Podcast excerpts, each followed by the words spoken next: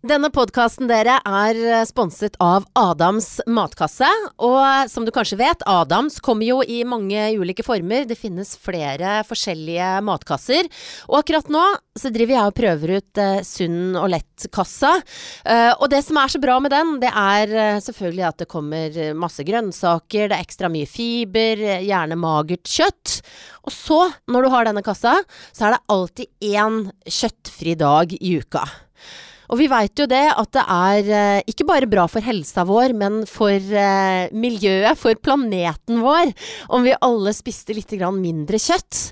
Men det er kanskje Jeg syns i hvert fall det er litt vanskelig av og til å komme på gode vegetarretter, og derfor så er jeg så takknemlig for den hjelpen jeg får fra Adams.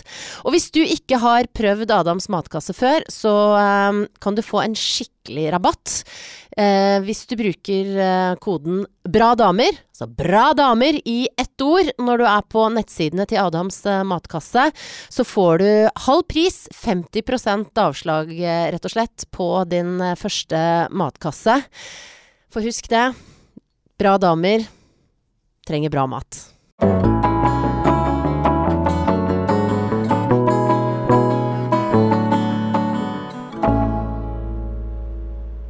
Dette er podkasten Bra damer. Og før jeg introduserer eh, dagens gjest, så har jeg bare lyst til å si tusen takk til alle dere som laster ned disse episodene.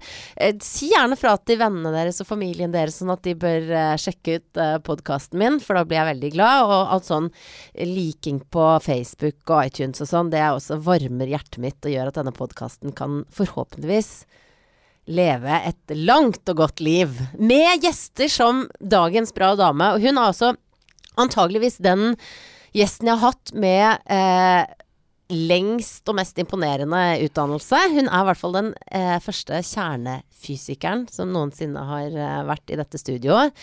Ja, ja, ja. Hun er altså doktor i kjernefysikk og rosa-blogger. Det er altså en nydelig kombinasjon. Velkommen hit, hit eh, Sunniva Rose. Tusen takk. Kjempehyggelig å være her.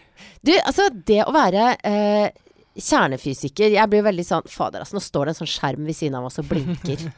Jeg må bare skru den av, jeg, altså, for det, ellers så blir det Jeg gjør sånn. sånn. Um, jo, veldig uproff start, men for dere som hører på nå, så hadde vi en skjerm med bilde av meg og logoen Bra damer. Den skrudde jeg bare av nå. Det var ikke så mye bilde av deg. Det Nei, var litt bilde av deg. Det, bl det blinka, Ja. så blinka var veldig forstyrrende. Det å være kjernefysiker. Mm. Det er på en måte det litt sånn Det er for meg så ukjent territorium Mm. at jeg vet ikke helt hvor jeg skal begynne når jeg skal snakke med deg engang. Så jeg bare Går det an å forklare hva det er ved det faget som gjorde at du ble dratt mot det? Jeg kan prøve. Ja. Um, eh, det er jo Jeg tror ofte når man hører kjernefysikk, hvis man i det hele tatt tenker noe annet enn æ, eh, så, så kanskje man tenker eh, atombomber er kanskje et bilde noen får for seg. Mm. Kanskje Tsjernobyl er et annet bilde. Jeg tror ganske skremmende, liksom voldsomme bilder. Eh, og det var faktisk noe av det som, som Det skremmende og det fascinerende i dette skremmende som dro meg mot det. Så det er ulykkesperspektiv. Liksom at? Hvis, du, hvis du ser en ulykke, så må du på en måte finne ut av, av hva det er. ja. Um, så det er, det er det første, første minnet jeg har om, om liksom noe idé om kjernefysikk. Og så denne, denne kraften da, som ligger inni atomkjernen. For det er, det er det det handler om. Det er, er den som blir frigjort på en veldig destruktiv måte i et atomvåpen. Og også den som da forårsaket altså ødeleggelsene ved f.eks. Tsjernobyl-ulykken. Så det er, måte, det er da den litt sånn dystre Ja. eh, introen inn i dette her. Men det er sånn, ok, jeg må forstå. Bare en liten digresjon. Jeg hadde samme type fascinasjon for, eh, for Titanic-ulykken. Oh, ja. Så jeg, har- jeg tror jeg har en sånn greie med at det, det, det er liksom det er skremmende. Jeg må, Ja. jeg, må, liksom, jeg må lese alt om det og forstå alt om det. Så Titanic, Estonia-ulykken Jeg, jeg har hørt flere sånne når jeg har begynt å se tilbake.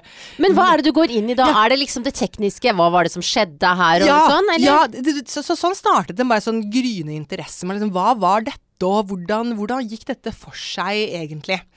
Eh, på alle mulige plan. Jeg syns, eh, Hvis vi skal snakke om Tsjernobyl-ulykken, så den er veldig veldig fascinerende også i på en måte Ikke bare rent kjernefysisk, jeg kommer da til den kjernefysikk-biten av det, Ja. men også sånn Hvordan var denne byen egentlig i, da, i Sovjet i 1986? Hvordan, hvordan fungerte dette her? Hvordan, eh, hvordan kunne det skje? Det handler ikke bare om det handler ikke bare om fysikken, men det handler om veldig mye mer. Da, liksom. Hvordan er systemene?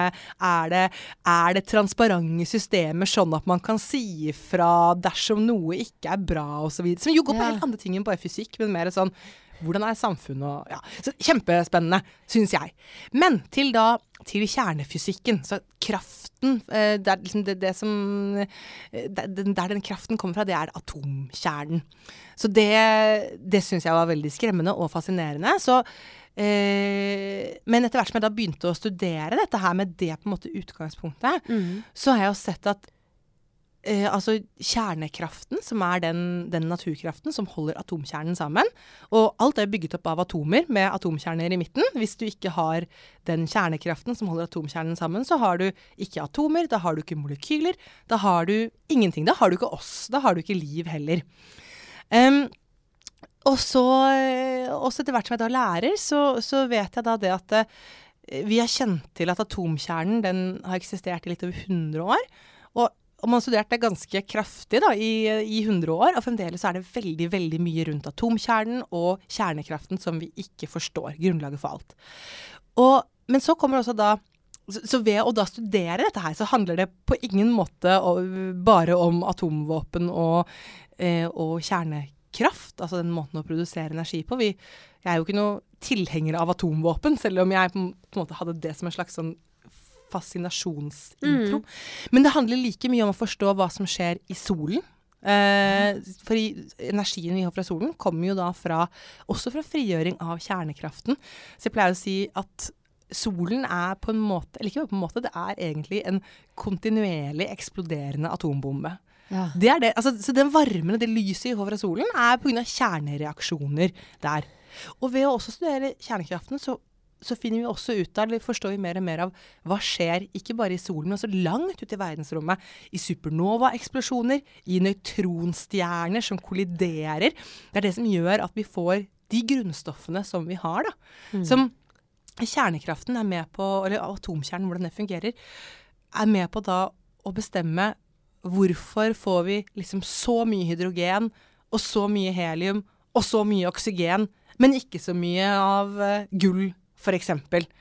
Så det er, til syvende og sist det handler om det helt sånn grunnleggende. Hvem er vi, og hvor kommer vi fra? Og det er jo helt fantastisk. Og, og når du snakker om det sånn, og snakker om disse her svære kreftene og digre og det eksistens, eksistensielle, Ja, sånn, så blir jo jeg også grådig fascinert. Men så vet jeg at for å forstå alle de tingene her, Mm. så er det jo en hel haug med sjuke formler. Altså, jeg husker ikke det periodiske systemet Nei. engang. Så det er en del, det er en del sånn nerdedetaljer da, som du må pløye deg gjennom for å forstå de tingene som du da tydeligvis eh, forstår ganske bra, i og med at du er doktor i dette her. Deler av det forstår jeg ganske bra, for det vil jeg ikke forstår også. Men ja, mer enn en enn gjennomsnittspersonen kan jeg vel si at jeg forstår. Men den der, den der nerdebiten, den Ja. Mm. der eh, pugge, regne ut, forstå. Eh, har du alltid hatt den siden av deg? Åh, Da burde jeg egentlig liksom spurt mamma, sikkert. Sånn har jeg, men jeg, jeg, har vel, jeg har vel sikkert hatt det med å At jeg har villet utforske og forstå, har jeg vel sikkert hatt en, alltid med meg, ja. Men, men jeg hadde ikke noe sånn at fra jeg var liten så var det sånn jeg skal bli forsker når jeg blir stor, eller noe sånt. Fordi jeg danset ballett. Og gikk jo ballettlinjen på Fagerborg på videregående, og det var jo det Det var jo det jeg drømte om da. Så da hadde jeg jo ikke realfag. Altså da hadde jeg bare helt det som alle må ha da på videregående. Før jeg gjorde en sånn helomvending og, og sluttet med ballett og byttet liksom tåspisskoene med matte, fysikk og kjemi istedenfor. Ja, og du ville det så eh, sterkt at du faktisk gikk altså ett år på videregående om igjen. Du gikk fire år på videregående for å kunne da liksom gå fra ballettkarrieren som du Ja. kanskje så for deg, til å bli eh, Ja. den kjernefysikeren du er nå. Hvis jeg skal være litt ærlig, så Litt ærlig, hvis jeg skal være ærlig. Vær litt jeg ærlig. Jeg skal være, jeg skal være litt ærlig. Eh, så var det jo Altså, det, det å kutte ut balletten var ikke noe enkelt valg. Det var kjempetungt. Og, og veldig, veldig sånn emosjonelt valg, egentlig. Og det var jo ikke bare fordi at Nei, nå liker jeg ikke ballett lenger, nå liker jeg matte istedenfor.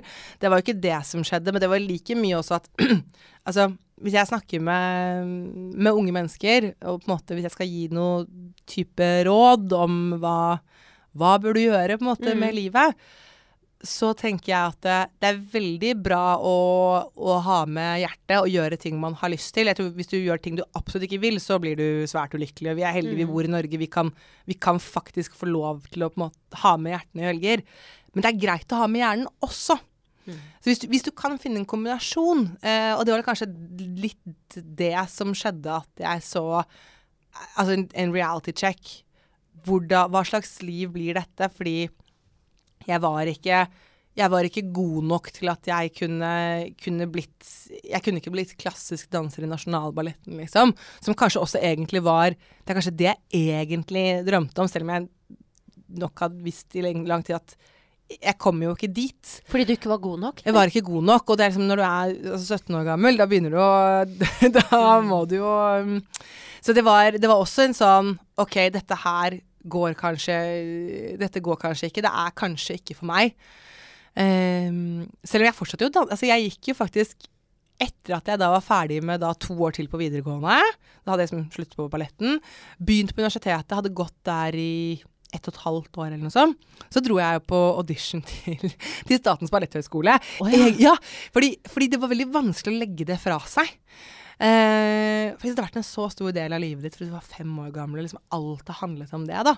Og så bare poff, sånn rett før skolestart da jeg skulle begynne i tredje klasse, så sier jeg nei, nå skal jeg, jeg skal gå andre klasse om igjen på, og liksom ta realfag. Eh, så jeg dro på audition der egentlig for det jeg på en måte håpet skulle skje på et vis, var at jeg skulle bare se Herregud, jeg er jo sykt mye dårligere enn alle de andre. Hva er det jeg noensinne har tenkt? Det ville jo aldri ha gått. Og så var jeg jo ikke sykt mye dårligere enn alle de andre. jeg kom jo det til var liksom oppnåelig likevel, eller? Ja, men aldri som klassisk danser. Det er klassisk Nei. ballett som var min uh, Men jeg så at uh, Oi, ja, kan, kanskje jeg faktisk Kanskje jeg kunne ha Kanskje jeg kunne ha levd uh, av det, da. Måte Mm. Gått fra audition til audition. Og da ville jeg jo gjort andre ting enn det jeg gjør nå. Eller kanskje jeg ville blitt fysiker likevel, bare litt senere. Men hvor mye tenker du på det nå? Det, det parallelle kanskje-livet du kunne hatt som Vet du hva, jeg tenker at jeg egentlig på en måte har kombinert noe av det jeg likte best ved balletten. Ikke selve dansen i seg selv, men det å stå på scenen og det å opptre. Det gjør jeg jo kjempemasse fremdeles. Og jeg har jo med meg Altså Tidligere i dag så har jeg stått og holdt foredrag, og det er, for meg så er det Eller ikke bare for meg, det, det er jo en opptreden. Det er en annen type opptreden enn enn å danse. Men det med jeg står på scenen jeg, jeg elsker å stå på scenen, syns det er kjempegøy. Så jeg, jeg har bare fått kombinert på en annen måte. Og så, som du sa også, at jeg har jo en blogg. Og bloggen tenkte på det, hva, hva er denne bloggen egentlig? Jo, den er jo på en måte min egen sånn scene som jeg har laget. Ja. det er litt det jeg ser på bloggen som. Og det som er eh, morsomt, er at sånn utenifra så er det jo en veldig sånn Eller hvis man skal sette i bås da, og jeg Mhm. vet jo du er jo liksom opptatt av å ikke eh, være så liksom Ja. innafor disse her båsene, eller kanskje utfordre det litt. Ja. Så vil man jo si at eh, en ballettdanser Mm. og en fysiker, Mm. det er liksom to forskjellige eh, verdener. Mm. Fordi at eh, den fysikkverdenen og nerdeverdenen Mm. og alt det vi skal kalle den, blir ofte assosiert med det liksom maskuline. Mm. Og at det skjer et eller annet, jeg vet ikke helt sånn, men i hvert fall når man kommer på ungdomsskolen og videregående og realfagene begynner å bli skikkelig krevende, Mm. så er det liksom, ligger det litt i kortene at vi jenter skal falle av lasset. Eh, hvorfor er det sånn? Åh, det, er, eh, det er et sammensatt spørsmål, og noe Det er vel eh, Det er vel sikkert biologer kan si noe om det, og sosialantropologer kan sikkert si noen andre ting om det, og det er Mm. vel en kombinasjon av mange ting. Men eh, eh, men, men det jeg pleier å si, eh, som i hvert fall er sant for meg og alle de andre jeg kjenner, som jeg har studert sammen med og jobber sammen med, så er det at eh, skal du få til noe, altså skal du bli god i noe, uansett hva det er, så må du jobbe. Sånn sett så er det ikke noe forskjell på balletten. Ba, altså, det å drive med ballett, det er beintøft. Det er egentlig litt, jeg tenkte på når du sa det nå, at det er, liksom, det er på en måte en sånn feminin ting. Og jeg skjønner veldig godt hva du mener. Eh, men er det sånn at det, det er beintøft, da. Og- Brutalt, nærmest. ja, det er kjempebrutalt. Det er smertefullt, og det er blødende tær, og det er liksom ja, det, det, er ikke, det, er jo ikke, noe sånn mykt og Jo, det, det ser jo mykt og ja. pent ut, det skal det gjøre. Men det er jo ikke mykt og pent bak der i det hele tatt. Mm. Det er kjempetøft. Og det pleier jeg også å si Det har vært i diskusjoner som type innimellom når man går inn i kommentarfeltdiskusjonene, når man orker det. Eh, og har sett en del liksom bruke meg til inntekt for en sånn Nå må vi legge ned sånn musikk, dans, drama, tull, hva er det man skal med det, ja. og sånn. Og så da ble jeg sånn eh, Nei, det syns jeg da absolutt ikke. Er det noe jeg lærte i de årene med ballett, så er det jo disiplin og det å jobbe hardt for et mål. Og det er jo akkurat det det handler om også. Det er jo det jeg det er jo det jeg tar med meg også når det på en måte si, når, det, når, det, når det står på mest. da. Og det, er, det har vært mye Det er både oppturer og nedturer på vei mot uh, hvilket som helst For meg, da, en doktorgrad som jeg, som jeg klarte å fullføre for et år siden. Det var jo Doktor Rose, det er ganske kult! Rose, ja. Oi, oi, oi. Ja, det er, fram, en jeg datet en gang, som sa at doktor Rose det høres ut som en kjønnssykdom. Nei. Men du dater ikke han lenger, eller? Nei, nei, nei. Jeg er, verden, jeg er verdens fineste kjæreste. Ikke, vi, vi, dater og er samboere og alt mulig. Mm. Man kan, eller, jo, man, man, dater jo selv. Man er jo på dates selv om man, selv om man er sammen. Ja, man er kanskje det. Ja. Eller jeg vet ikke. Mm. Men ja, nei, så han, det er ikke han. Han. Så det er liksom ballettdanseren i deg som på en måte gjennomfører gjennomførte ja. den doktorgraden, ja, da, på et vis. Ja, ja, det syns jeg egentlig. Og det, mm. og det morsomme er at når jeg også har uh, Altså, det var også en annen ting da jeg kom på på Blindern og begynte å studere fysikk så, så, følte jeg litt sånn OK, her kommer jeg, og jeg er uh, Man kjenner seg jo både det, Man er både litt sånn Etter man er liksom 18-19 år gammel, og så skal man studere noe på universitetet, og så føler man at man har tatt et valg, og man er liksom veldig voksen og stor og usikker samtidig, men litt sånn ja, ja, ja. Her kommer jeg Det er liksom veldig sånn blandet, da. Man er veldig sånn Både verdensmester og, og, helt krise. Mm. Uh, men jeg følte at jeg hadde liksom Jeg hadde jo full fordypning i realfagene fra, fra skolen, at det skulle liksom gå fint, og dessuten så hadde jeg med balletten så jeg er på en måte spesiell.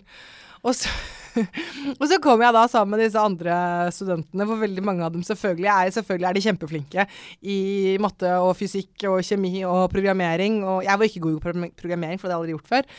Eh, så de var flinke i det. Men så var det så mange som da spiller instrumenter og lurte på skal jeg bli fiolinist, eller skal jeg bli fysiker, skal jeg bli skuespiller? Altså, ganske mange som faktisk ja. også har vært veldig flinke i mer type da kreative fag, da. Så det var plutselig så at jeg er ikke noe spesiell i det hele tatt. Er, ok, Jeg var kanskje den eneste som hadde ballett, men veldig mange som hadde ja, både teater eller musikk. Spesielt mange som er veldig flinke i, til å spille instrumenter. Så um, det er i hvert fall um, Det har jeg sett en, eh, en korrelasjon der på mange som er flinke i det. Så jeg vet ikke om det da er Morsomt at du sier korrelasjon. Ja. Det, er, det, er, akademikeren her. Ja. jeg skjønner hva det betyr, altså.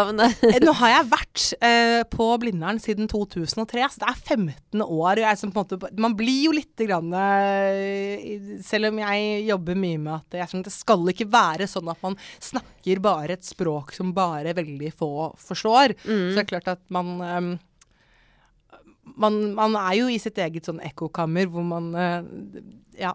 Det, Men det er jo akkurat det som gjør deg fascinerende. nemlig altså Mange har jo sett deg. Du har vært på Nytt på Nytt, og det har vært flere TV-program mm. uh, nettopp fordi at du er en glitrende formidler. Mm. Men så Alle som kjenner litt til akademia, vet jo at det er ikke liksom verdens rauseste miljø alltid. Ikke alltid, nei. Uh, så, så, det, det der Og så må man jo nødvendigvis Hvis du skal forklare til meg hva du holder på med, så må mm. du forenkle det, ikke ja. sant? Og da er det noe som forsvinner. Mm. da uh, Det er ikke alle som er på en måte så positivt innstilt nei. til de som eh, er gode på det du gjør, da, mm. nemlig å forenkle og formidle ja. på den tabloide måten ja. som du gjør.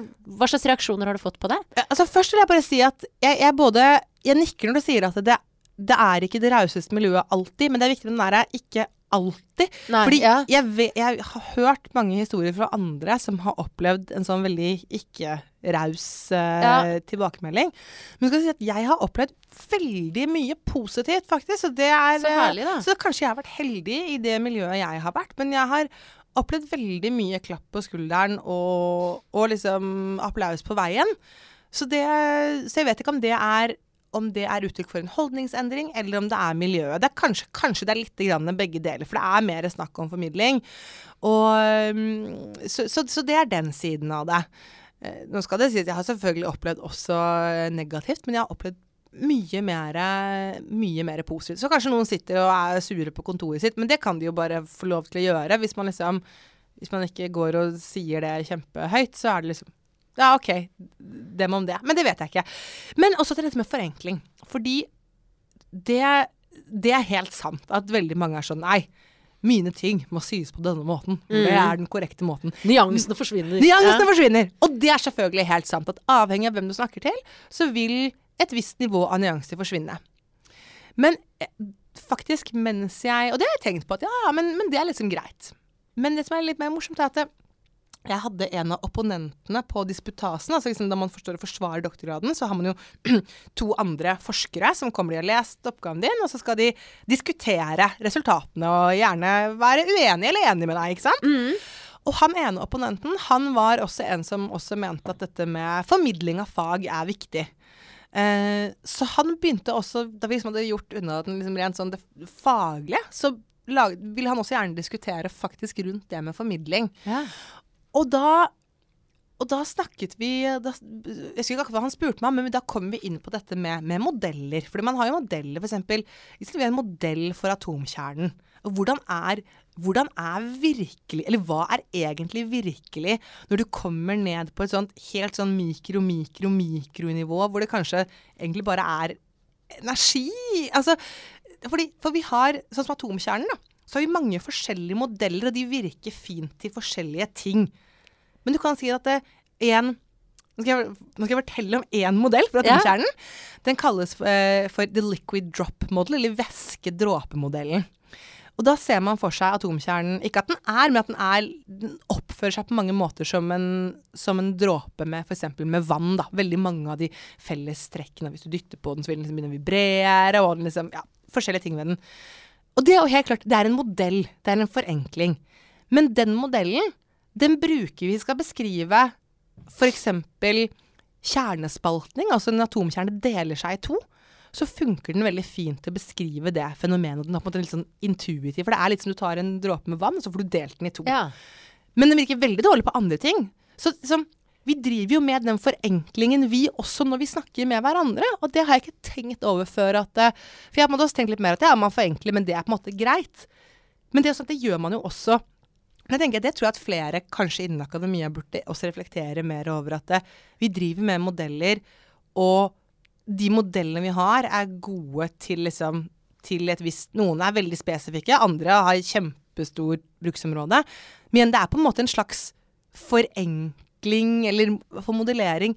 Så vi gjør det hele tiden, også i akademia. Sånn at det, det er veldig lett å tenke at nei, men dette er det riktige, det riktige nivået av nyanser.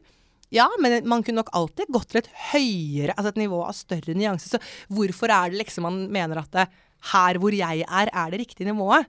Jeg tenker at Det er jo ikke sånn at her hvor du er, er det riktige nivået. For igjen, det kommer an på hva er, hva er det du skal oppnå med det du skal fortelle.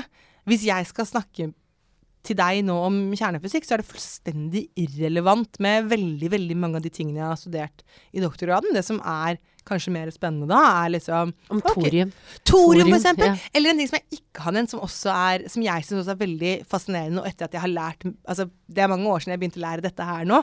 Men det er jo da hvor utrolig mye kjernefysikk som er i medisinen. Ja. Hva, altså det kalles nukleærmedisin. Strålterapi, f.eks., det er jo anvendt kjernefysikk.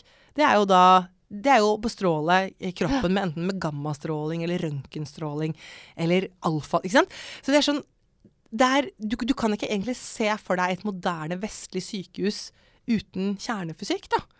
Og, det er liksom, så, så, så, og, og de tingene er veldig mye mer interessant hvis jeg skal snakke med deg. Hvis jeg for skal snakke om hvorfor Hvorfor skal vi fortsette å forske eh, innen kjernefysikk, f.eks., så er det ikke så veldig relevant med alle de detaljene som er kjempeviktige for, liksom, for de 30 andre i verden som jobber med det. Så, det spørsmålet er alltid hvem er det som er mottakeren din, og det og det, det er viktig, og mange akademikere er opptatt av det. Også fordi at det, man skal jo formidle også til hverandre. Og, og forskningen handler jo om at sant, man, man finner ut av et eller annet. Og så drar man ut til kollegene sine rundt omkring i verden på konferanser, eller man skriver artikler. Og hvis, hvis du ikke klarer å formidle det du har gjort, så er det jo på mange måter verdiløst. For at da kan du ikke da, Hvis andre ikke forstår Mm. noen ting, så kommer du jo ikke videre. Men den, de som ofte er strenge da på at Ja. uh, her, her må alt med og sånn, det, det kommer jo gjerne fra en sånn usikkerhet. Mm -hmm. uh, det å formidle på den måten du gjør, krever jo en trygghet, eh, både i deg selv og på at du kan det du snakker om. Den selvtilliten som jeg liksom opplever Ja. veldig at du utstråler nå, eh, eh, har den alltid vært like tilstedeværende? Nei, det, det Nei! ikke i det hele tatt. Nei, og, og det er kanskje også Det kan kanskje nå, nå vet jeg ikke, men, men jeg en, en ting jeg har vært veldig opptatt av når jeg begynte å formidle og begynte å snakke om, om faget, var at jeg har vært ganske nøye på at jeg skal snakke om det jeg på en måte vet at jeg kan, og vært forsiktig med å gå utenfor. Man kan også bli for forsiktig på det, men, men sånn som um, et, et konkret eksempel var da, da man på CERN, det store, store laboratoriet som ligger uh, i Genéve, um, fant den såkalte Higgs-partikkel i 20... Nå var det, var det 2012? 2012 tror jeg det var. ja. Higgs-partikkel. Higgs-partikkel. Det er litt sånn hva er Dan Brown, og hva er virkeligheten ikke her? ja, Ja, men, mm. men det handler jo om Ja, det er helt glemt Dan Brown, men han, han skriver nettopp om det. Man oppdaget den, og det er helt klart at altså, og det, det er en da fagfeltet partikkelfysikk. Man sier på en måte, ja, forskjell på partikkelfysikk og kjernefysikk. Og det er, det er to forskjellige fagfelter, men det er klart at jeg kan eh, ganske mye. Vi kan på en måte en del om hverandres fagfelter. Da var det mange som, som ringte meg og lurte på om jeg kunne på en måte kommentere det. Og da var det for eksempel veldig viktig for meg, for da vet jeg at her er det andre som kan dette bedre enn meg, og som også som kanskje ikke da har snakket like De har kanskje ikke formidlet like mye, så det er kanskje ikke de som står øverst opp på listen som man ringer, men det er de som burde snakke om det. Så da sendte du det videre? Jeg sendte det videre, og det Ja. funket fint, heldigvis. Ja. Så jeg tror kanskje det å på en måte være litt kritisk også til hva man skal snakke om, og hva man ikke skal eh, snakke om, er i hvert fall viktig å være litt, ha en bevissthet til det. da. Men uh, hva med deg selv sånn eh, før, uh, før doktor Rose? Altså Mm. som, sånn uavhengig av uh, fysikken, eh, hvordan har selvtilliten vært Ja, den gangen du var, fortsatt var ballettdanserinne, Ja. eksempel? Jeg har hatt en sånn Jeg har alltid trivdes på scenen. Aldri hatt problemer med å stå foran klassen på skolen og holde foredrag eller noen sånne ting. Så det har jeg liksom Og jeg vet ikke om det er sånn det, Var det derfor jeg likte meg på balletten, eller gjorde balletten at jeg ble god på det? Ikke sant? Kanskje det er litt begge veier. Men så der kan jeg si at jeg alltid har hatt en selvtillit på det å stå foran, foran mennesker. Og det, enten om det jeg er med å holde foredrag liksom Ja, det, det, det koster meg Jeg skal ikke si at det koster meg null, men jeg trives med det. Jeg får på en måte energi av det. Men jeg har også vært veldig sjenert som person, og det tror jeg har vært veldig rart for folk, for jeg har på en måte vært veldig ekstrovert og stå liksom på scenen og har vært med på en måte på eh, Stått i baren på Blindern og gjort disse tingene her, men da mer på en sånn én-til-én, så har jeg vært Opplevde jeg for meg selv som veldig sjenert. Ja.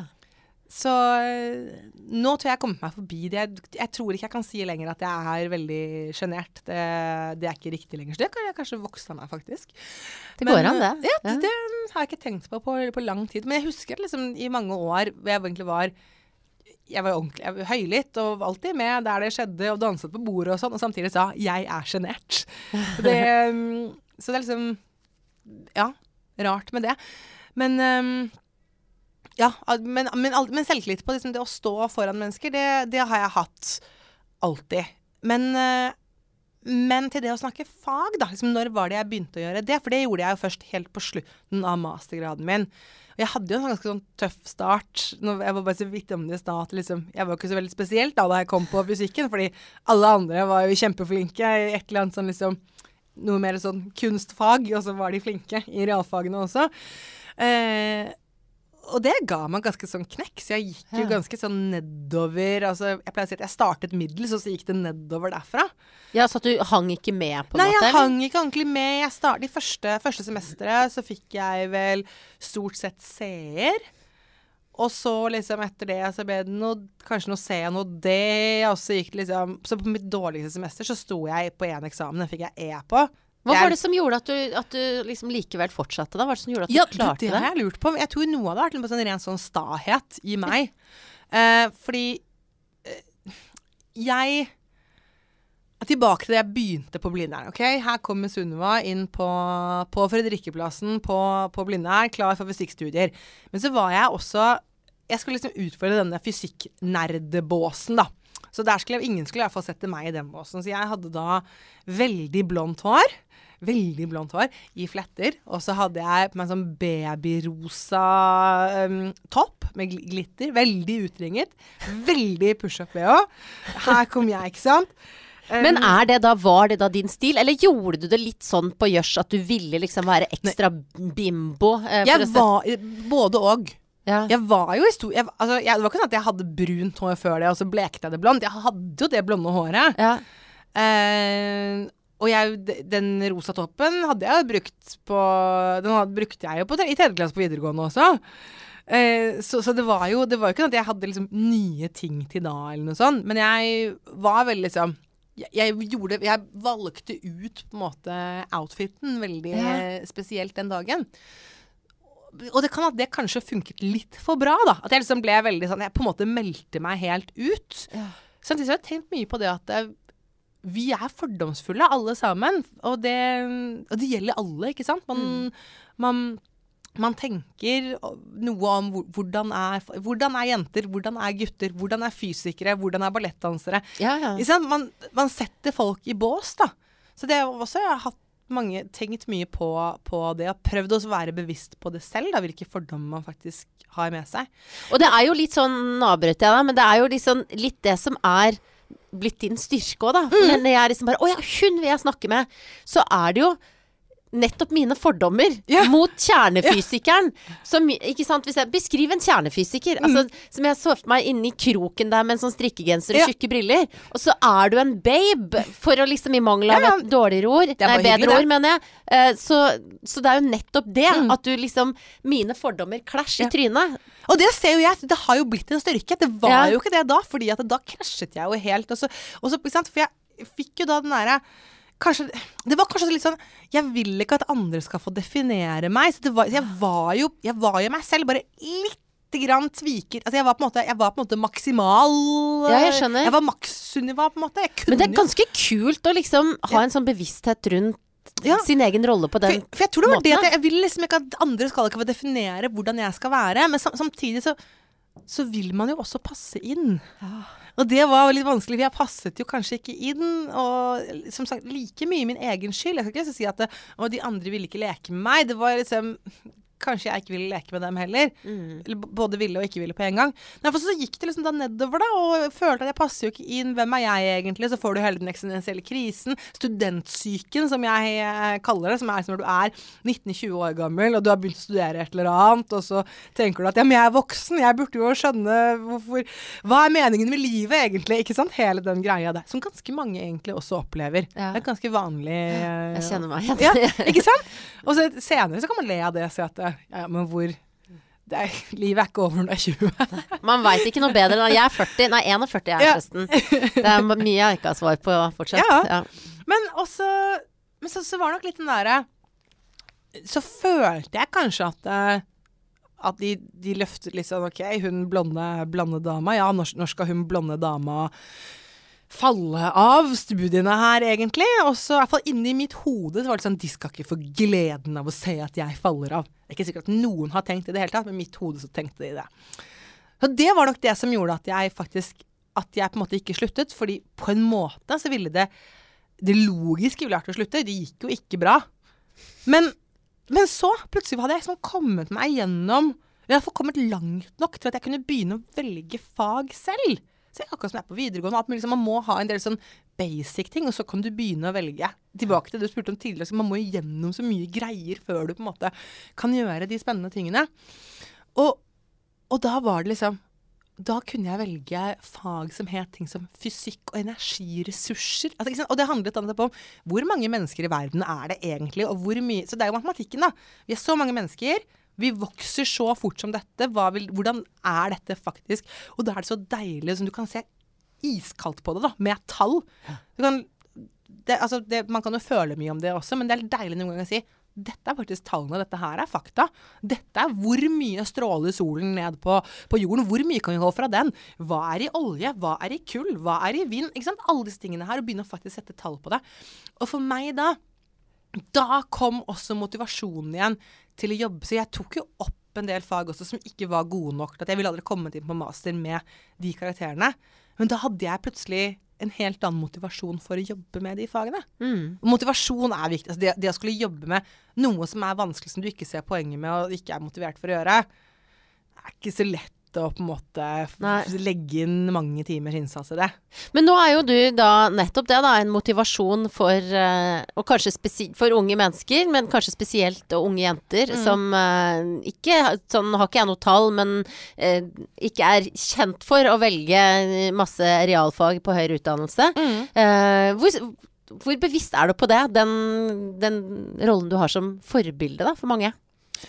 Jeg er jo mye rundt omkring og holder foredrag og snakker både for ungdomsskoleelever og videregående elever. Så det er Og, og også får spørsmål både på, på blogg og på, og på Snap og, og sånn. Så jeg er vel blitt ganske bevisst på det, egentlig. Og, og tenker mye gjennom det. Liksom hvorfor Ja, hvor, hvor, hvor, hvordan kommer man seg gjennom? Hvordan ikke gi opp? Og det, det verste er fordi det er et spørsmål jeg får ganske, ganske ofte, som er sånn hva gjør, man, hva gjør man når man har lyst til å gi opp og man ikke er motivert? Og så er liksom svaret faktisk at noen ganger så må du bare bare ikke gi opp. Og det er, som, det er dustesvar. Men jeg pleier liksom å se litt for meg det er liksom Hvis du er i en snøstorm Ok, jeg har vært i snøstorm, men liksom, du, du ser for deg at du er i en snøstorm. Og det er iskaldt, det bare blåser, og det er bare du egentlig, Og du er utslett, og du vil egentlig ja, Du vil gi opp. Men du kan ikke bare legge deg ned heller, for det, det kommer jo ikke til å bli noe bedre av det. Så da må du på en måte bare gå på. Du må krumme da. Du må gå på sånn skritt for skritt for skritt. Og det er bare fælt. Men, men, men så kommer du fram med et eller annet Og det, det er faktisk et bilde jeg har brukt selv når jeg er den derre på den derre Noen ganger må man bare ikke gi opp. Ja. Nå snakket jeg vel litt vekk fra, men, men, uh, men iallfall, ja. Jeg eh, Hvis jeg kan motivere noen Jeg har jo også fått Jeg får bekreftelse på at jeg gjør det. Det er jo Da er det jo verdt alt på en måte all jobb, da, hvis du ser at du faktisk kan motivere noen andre til å til å jobbe seg gjennom et eller annet, og kanskje spesielt også om det er, om det er å studere noe realfag, eller, eh, eller hva det er. Altså på en måte følge, følge drømmen din, da. På en mm. å, jobbe for, for å få resultater. Uansett hva det, hva det er i. For tilbake til altså, sånn, altså, Skal du ha resultater, så, så må, man, må man jobbe. Det er, liksom, det er veldig få ting som, er, som kommer helt gratis. Og det er også litt sånn De tingene som kommer helt gratis, de er jo ikke så stas. Det er ikke, det er ikke så stas på en måte med noe som bare Nei, det bare skjedde. Det er ikke at du bare Nei, bare, plutselig så bare hadde jeg podkast, liksom. Det var bare poff. Altså, liksom Ja. Man jobber jo for å få til et eller annet som liksom blir din greie, resultatet av ditt arbeid. Og det er jo det som gjør det spesielt. Men du, du virker jo veldig altså, Mye energi, eh, fått til mye, jobber hardt. Er det liksom Er du er du innmari flink? Eller altså, har du noen ting som du bare liksom øh, Som du ikke får til, eller ikke orker, eller ikke gidder? Eller er du sånn dung, dung, dung, dung over hele linja? Jeg er ikke flink til å trene, f.eks. Jeg er ikke Jeg er ikke flink til at vi skal ha sunne middager alle sammen hver dag. Jeg er veldig glad Datteren min blir åtte i morgen, så Oi! ja. ja. Um, hun eh, ser ofte på iPad, sikkert mer enn mange syns liksom jeg er strengere på det. Um, det er ofte Det, det er mye ostesmørbrød. Ja, du, men du, altså det er ikke så verst det, da. Nei. Jeg pleier liksom, hvis det er ostesmørbrød, så går det an å servere liksom en sånn eh, agurkbit ved siden av, så er det Nærmer det seg middag? Ja, ofte så er det bare Det er Ja. ofte bare det ostesmørbrødet. Ja, ja. Så, måte, men så sånne ting. Og jeg er ikke flink til å sånn vaske og ha det ryddig og, og Så sånne der kan det flyte litt. Ja, altså, men så, jeg liker egentlig ikke det heller. Jeg liker det ikke, så jeg prøver. Men jeg får det liksom ikke helt til. Så blir jeg veldig frustrert Men hva gjør du når du ikke er her, eller holder foredrag, eller er altså kjernefysikeren? Eh, hva er det du Og, vi, og du blogger jo også. Mm. Sunnivarose.no.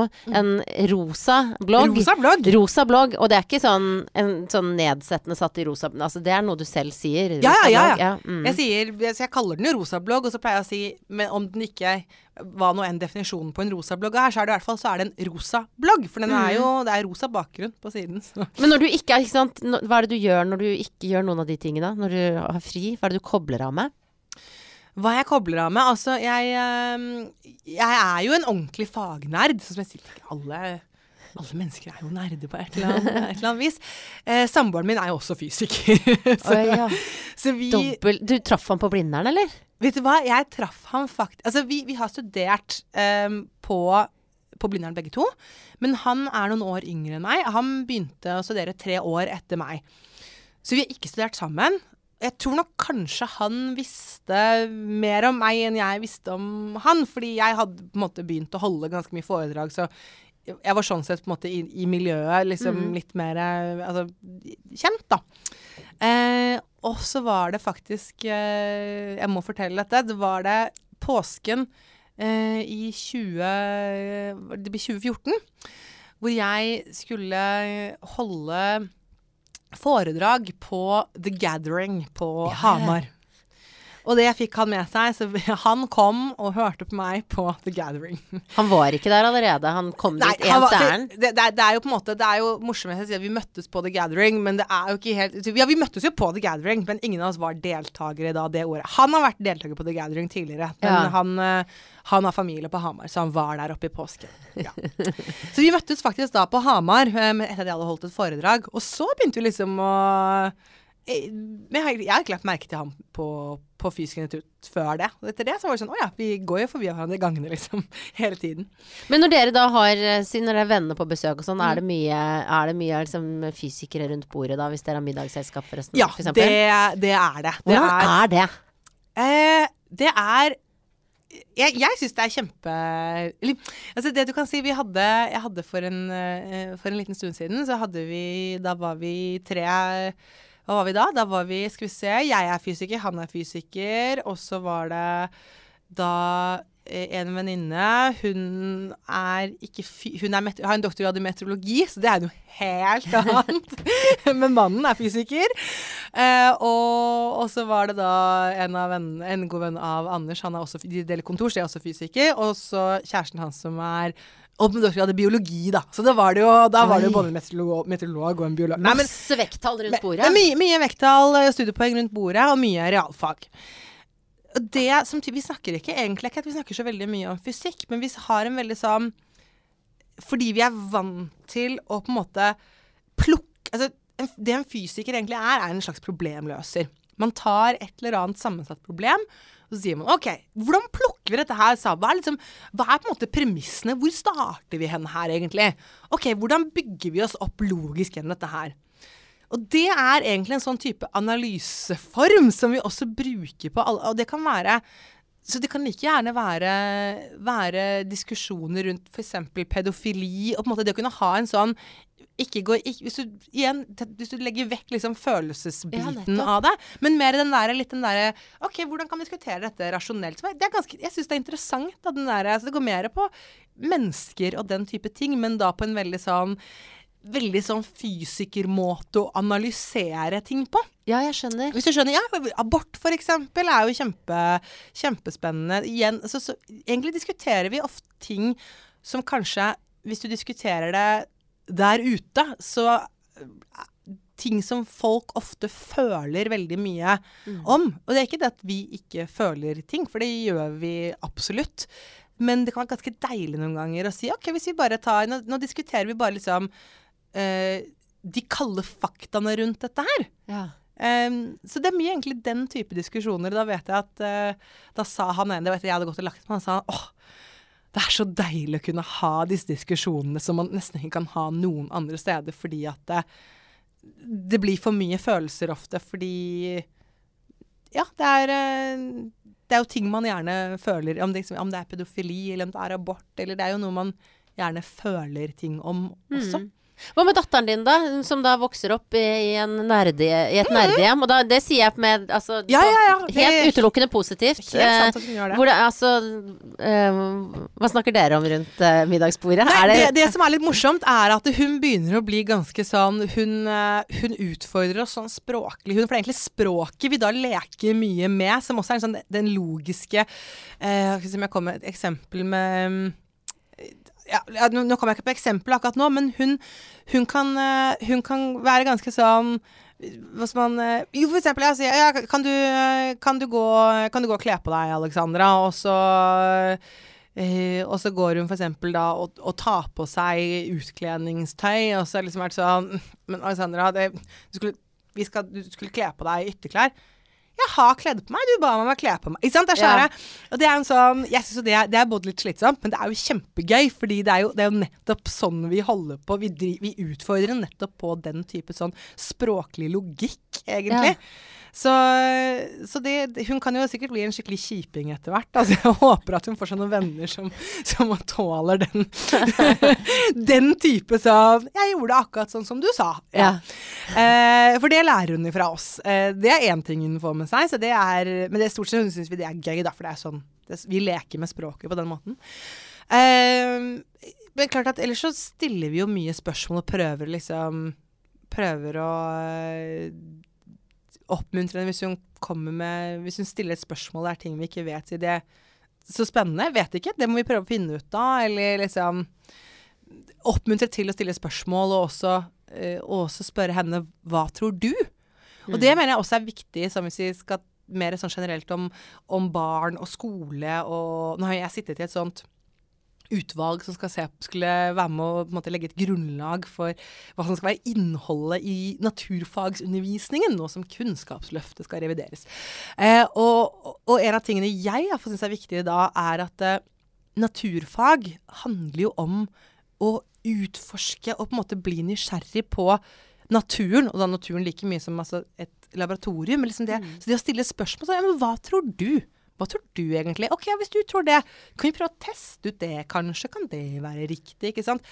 Så det er noe jeg tror vi på en måte oppmuntrer til. Liksom, hva, ja, hva, hva tenker du om det, egentlig?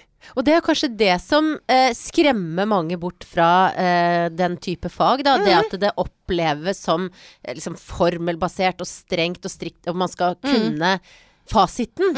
Mens at i sannheten, som du sier det i hvert fall, handler like mye om utforskning og nysgjerrighet som andre fag. Ja, det, er nettopp altså Det er kjempeviktig. Det, det altså Nysgjerrigheten er jo superviktig. Og, og det er på en måte Når jeg snakker med mine kolleger, og hvis de skal liksom beskrive Si noe om han som sier en hverdag som forskere, så er jo kreativitet er jo en av et viktig ord som trekkes fram. Det, altså kreativ, utforske, prøve ut. Det, det, er jo det, det er jo det det handler om. Riktignok på en systematisk måte. fordi hvis man bare Hvis man gjør helt random ting uten noen som helst mer tanke, og ikke skriver ned hva du gjør, så klart så, så blir det vanskelig å vite om du på en måte har funnet ut noe, da. Men, men det, altså det å være kreativ, prøve ut nye ting, det er jo kjempeviktig. Og det, det, det er jo der også det mennesker er gode på. Hvis I en verden i dag hvor det, man snakker om digitalisering og datamaskiner, kunstig intelligens og den type ting, er det sånn Mennesker er, eller kan bli, veldig gode på å stille spørsmål og å tenke. Og det er det man også burde på en måte trene seg på, da. Fordi datamaskiner er ikke så veldig flinke til å stille spørsmål. De er veldig flinke til å gjenta ting veldig mange ganger. Så ja.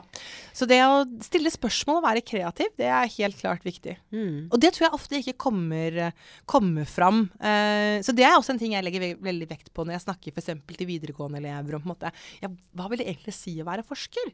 Hva, hvordan, hvordan er det egentlig? Og så har jeg tenkt på det. Um, nå har jeg aldri jobbet som kunstner, men jeg, jeg kjenner noen som, som, som, lever av det. Og, på en måte, og så har man kanskje en slags idé, og man, man, ser litt for seg en kunstner kan på en måte gå inn i en sånn modus, og man bare jobber og jobber. Og så, bare sover når man må, spiser når man må, men ellers bare jobber man. Og så Ja. plutselig kan man ha helt tørke, på en måte idétørke. Jeg vet, jeg, jeg tror Det er en slags idé man kan ha om sånn å være kunstner.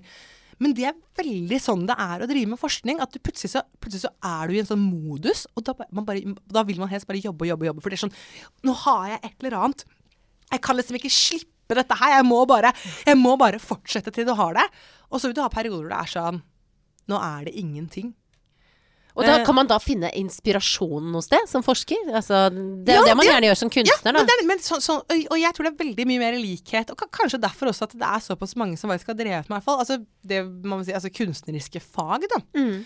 Eh, helt klart, og det kan jo være altså, da, da er jo å lese hva det andre har gjort, diskutere med andre, men noen ganger så må man kanskje bare ja, om det er gå seg turer, om det er gå i skogen, eller det er bare å på en måte gå helt off. Det er, litt det er veldig forskjellig hvor forskjellige mennesker vil finne inspirasjon. Mm. Men, men det er klart at man har jo det å lese hva andre, andre gjør, da. Det å lese nye artikler er jo klart et, det er jo et sted på en måte, Det er litt sånn systematisk. OK, hvor skal jeg gå hen nå? Men det er ikke sikkert at det inspirerer deg. Så det kan sikkert like gjerne være bare det å koble helt ut. Dra på hytta. Ja. Gå i skogen. Så kommer det.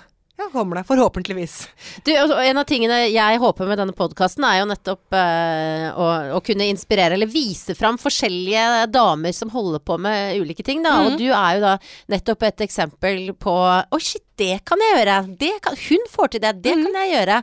Eh, hva, slags, hva slags forbilder har du?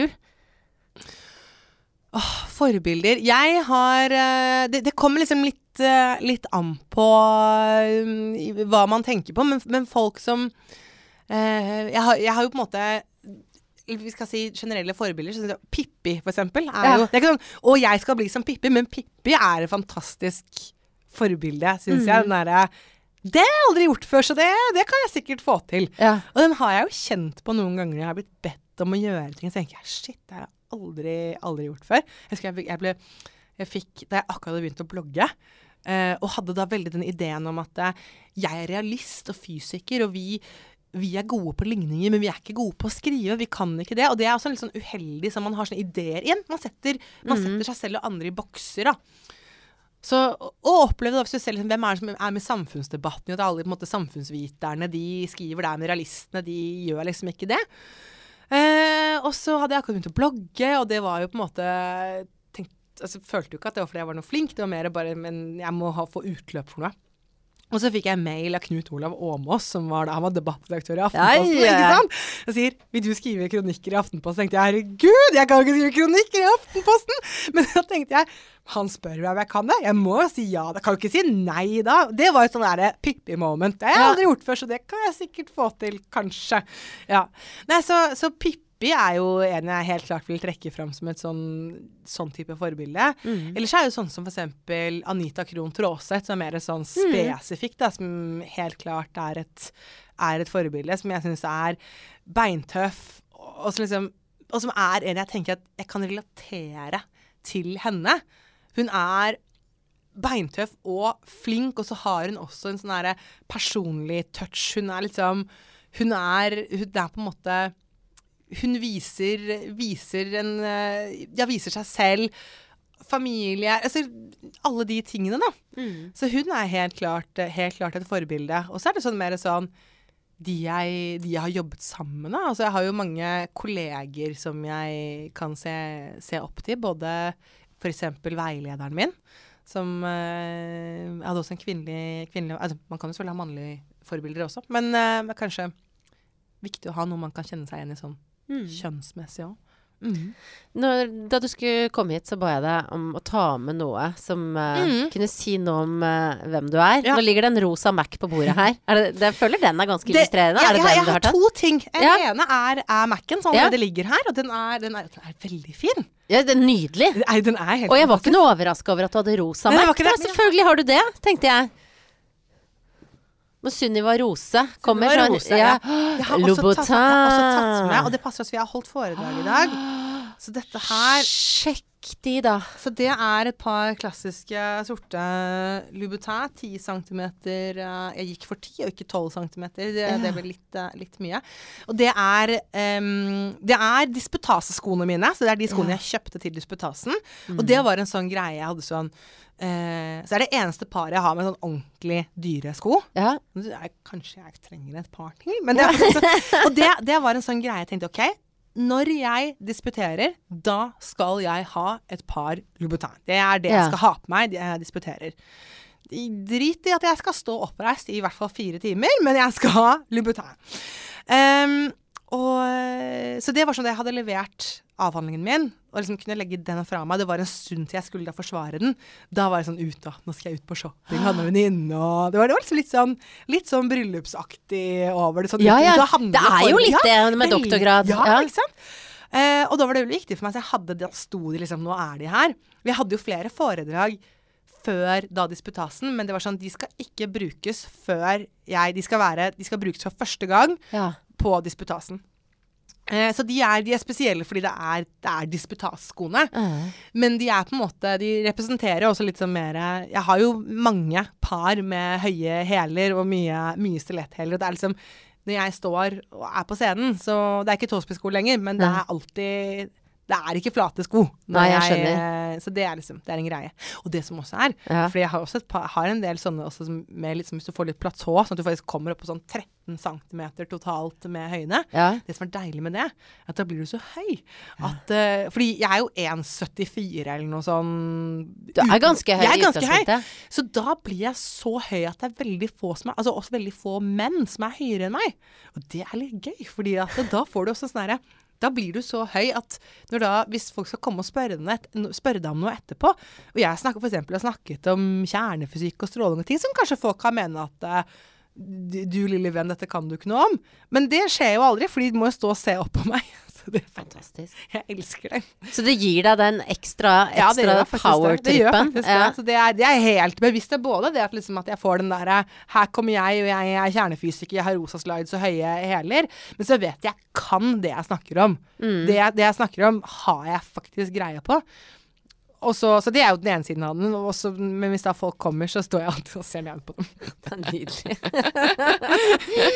du, jeg, eh, doktor Rose, jeg har noen spørsmål som jeg stiller til alle gjestene mine. Mm. Um, eh, det ene er hva spiste du til frokost i dag?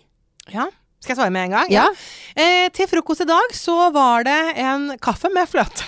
Å ja, ikke noe, du er ikke noe glad i å spise om morgenen? Nei, jeg har flø fløte. Fløten er liksom Ja, ja. Det er eh, og, det, og, det får jeg hver eneste morgen på sengen av kjæresten min. Nei, tuller du? Han er helt fantastisk. Vet du hva? Oi, ja. Til, selv når jeg skal opp, så innimellom skal jeg opp eh, Jeg har litt sånn variabelt, fordi noen ganger skal jeg ut og fly, eller jeg skal av gårde, sånn, så noen ganger må jeg opp klokken fire, sånn som det jeg er. Og da står han opp og gir meg kaffe klokken fire. Det er helt eh, Men er det, hvor lenge har dere vært sammen? Vi har vært sammen i tre år. Så, og fortsatt så får du det om morgenen? Han sier at jeg skal He's a få- keeper. Ja, han er det. Ja. og til og med nå, han har vært, han vært hjemme fra jobb noen dager fordi han har litt sånn kraftig forkjølelse, lett influensa, litt uviss. Eh, og selv da så har, han, ja, så har han stått opp og gitt meg kaffe. Det er nest, det er, ja, he's a keeper. Ikke bare pga. det. Nei. Nei. Vi kommer tilbake til flere Ja. kjærestekvaliteter. Ja. Um, Så det ble kaffe med fløte. Det er liksom uh, servert av kjæresten. Ja, på sengen. Og det er så deilig, fordi jeg må si, for jeg om morgenen så syns jeg det er så slitsomt å snakke. Det er, som det er, en, det er en kraftanstrengelse å formulere ord om morgenen. Så det er så deilig. Jeg slipper å Han bare kommer og gir meg den. Og så noen ganger sier jeg takk. Han vet jeg Han vet jeg er Noen ganger sier jeg ingenting. Og så bare setter jeg meg opp.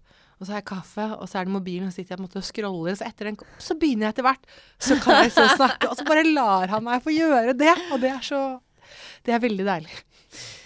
Hvor lang tid brukte du på å finne ut hva du skulle ha på deg i dag, da? Å, i dag, i dag skulle jeg holde foredrag, så da, mm, da brukte jeg litt mer eh, tid enn jeg pleier, men eh, kanskje jeg ti minutter. Eh, Og da tenker du, når du skal holde foredrag, at du skal signalisere noe spesielt, Ja. eller? og i dag, og det er litt forskjellig, fordi i dag så har jeg um, Nå sitter jeg her og har på meg en hvit skjorte med små sorte prikker på. Så det er jo litt sånn ganske skikkelig. Eh, og så har jeg eh, sorte jeans, helt sånn eh, så sorte bukser. Men så har, så har jeg litt sånn jeg, jeg vil si søtt hårbånd, da. På Søtt hårbånd Jeg føler at jeg er sånn søt store stor perledobber. perledobber. Mm. Så, da, så det, fordi foredraget jeg holdt i dag, det var da på, det var på universitetet, og det var liksom for, for altså andre ansatte, og det var om um, litt jeg i stad, hva, hva er egentlig digitale skills? Altså hva vil det egentlig si? Hva er det man trenger å kunne? Er, liksom, er, det, er, det, er det å svare på undersøkelser på nett, eller er det faktisk å programmere, eller hva, hva er liksom hva er hva? Og da, så skjorten og buksen, den er mer på den. Nå skal jeg være seriøs, for det er på en måte den veldig seriøse Sunniva. Men ikke for mye. Det blir for mye. Man må liksom, så jeg må ha den, da må jeg ha det hårbåndet og de perlene Ja. og det utslåtte håret for å på en måte veie litt opp. Så det er litt den der. Så det, det er veldig bevisst sånn sett. Hadde jeg skulle holde La oss si at jeg skulle holde foredrag Jeg holdt foredrag for, eh, for leger og liksom om, måte, om formidling og sånne ting. Og de er kanskje de jeg ser på som aller mest sånn type konservative. Da ville jeg ikke hatt håret utslått. Og da går jeg, mer, jeg er litt mer usikker. Da er liksom håret oppsatt i mer Gjerne en veldig stor hårtopp, men, men da er det Ja, så jeg varierer veldig på det med liksom hvordan, hvordan skal få den rette, rette balansen.